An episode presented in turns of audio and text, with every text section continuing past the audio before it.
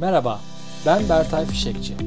Ofisin Şifreleri podcastında çalışan bağlılığı, ekip liderinin zorlukları ve beceri gelişimi, kariyer yolculukları ve ofis dünyasının şifrelerini çözme hakkında konuşuyor, bazen de konuklarımı ağırlıyorum. Merhaba. Şirketinizde çalışan bağlılığını arttırmak için yola çıktığınızda rakamlara boğulmanız çok olası ve buna dikkat etmezseniz tam dokunulacak noktaları kaçırma tehlikesiyle de baş başa kalabilirsiniz. Öncelikle ölçebileceğiniz kriterlere bakalım. Neleri ölçebilirsiniz? Bir, çalışan bağlılığı skoru tabii ki.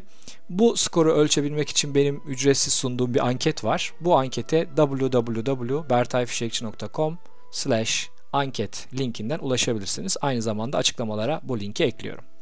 eNPS skoru ölçülebilir. Bunu biz zaten benim sunduğum anket içerisinde ölçüyoruz. Turnover oranı ölçülebilir. Yani belli bir sürede ayrılan çalışan sayısının toplam çalışan sayısına oranı. Ve ayrılmayı düşünen çalışan oranı da ölçülebilir. Bunu da ancak ayrı bir soruyla ölçmeniz mümkün. Bu rakamlarla nicelik ölçerken arkasındaki sebepleri bilmezseniz o zaman sadece rakamlara bakmış, niteliğe bakmamış olabilirsiniz. Bağlılığı geliştirmek için yapacağınız her türlü çalışmada rakamların olumlu olarak değişmesini ummak ve takip etmenin yanında ilk çıkan sonuçların kök sebeplerini anlamaya çalışmak ve alacağınız hizmeti veya yapacağınız bu iç çalışmayı bu içgörüleri düşünerek tasarlamak çok anlamlı olabilir.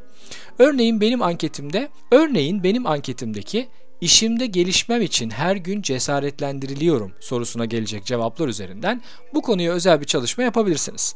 Nabız anketindeki her soru bize bu tür içgörüleri sağlıyor. Niteliksel verileri toplamak için de bugün size 5 yol önermek istiyorum.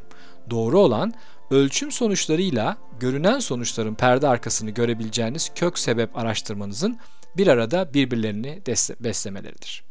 Örneğin benim yaptığım bir çalışan bağlılığı programında bağlılık %20 civarında arttı ve anketlere gelen yanıtlarda nelerin daha iyiye gittiğini de sorduk ve şimdi size e, bundan birkaç örnek vermek istiyorum.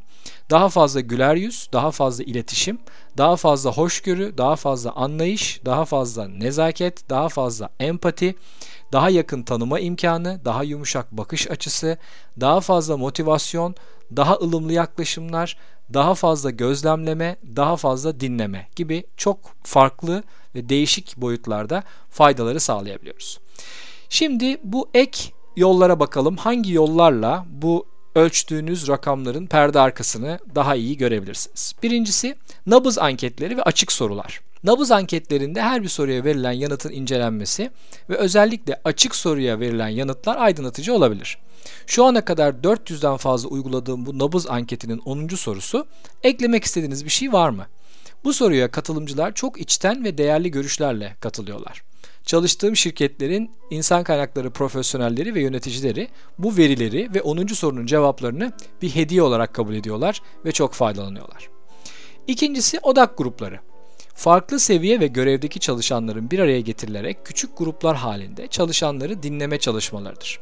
Bu oturumlarda yıllık anket veya nabız anketinde elde edilen verileri konuşma ve tartışma olanağı bulabilir, çalışanlarınızın anket sorularına verdiği bazı yanıtların sebeplerini öğrenebilirsiniz.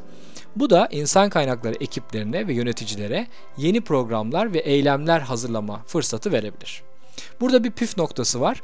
Çalışanların kınanmayacaklarını, başlarına bir şey gelmeyeceğinden emin oldukları bir ortam oluşturmak odak grupları için çok kritik önemlidir.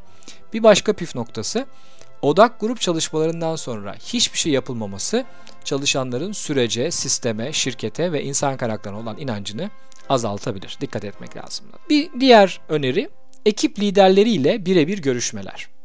Belli aralıklarla ekip liderleriyle çalışanlar arasındaki birebir görüşmeler bağlılık skorları veya diğer rakamsal verilerin perde arkasını anlamanıza yardımcı olabilir.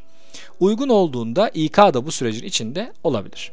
Ekip liderlerinin birebir görüşmelerini iyi tasarlamaları ve çalışanları iştenlikle dinlemeleri, gelen görüşleri yok saymayıp şirketin sisteminde yer vermeleri ve çalışanı bilgilendirmeleri değerlidir. Bu konuda blogumda bir yazı yazmıştım. Dilerseniz oraya da bakabilirsiniz. Daha anlamlı birebir görüşmeler için 5 öneri başlığıyla blogumda bu yazıyı da görebilirsiniz. Bu yazının da linkini e, bu açıklamalar bölümüne yerleştireceğim. Bir diğer öneri Performans yönetimi görüşmeleri. Bağlılık anketleri çoğunlukla isimsiz olarak bağlılığı ölçerken performans yönetimi verileri de bireysel olarak çalışanların verimliliği, iş çıktısı ve bağlılığını izleme imkanı verebilir. Bu iki veri birlikte kullanıldığında örneğin bir ekip içindeki temel temaları yakalamak mümkün olabilir. Aynı lidere bağlı ekibin bağlılığı düşükse veya benzer durumdaki iki ekipten birinin performansı çok belirgin olarak diğerinden farklıysa bu ortaya çıkarılması gereken bir veri olabilir. Bu verilerle birlikte yönetim daha sağlıklı bir yol haritası çizebilir. Ve son olarak da çıkış görüşmeleri. Bu görüşmeler de aslında nelerin olduğunu anlamak açısından altın değerindedir. Ayrılmakta olan çalışanın ayrılma sebeplerini iyi anlayabilmek önemlidir. Ayrılmakta olan çalışanın daha açık, daha serbest, daha çekinmeden ve rakamlara bağlı kalmadan konuşma rahatlığı vardır. Uygun şekilde bir ayrılık oluyorsa bu rahatlığı verilere ve içgörülere dönüştürmek çok değerli bilgilere ulaşmanızı sağlayabilir. Teşekkürler.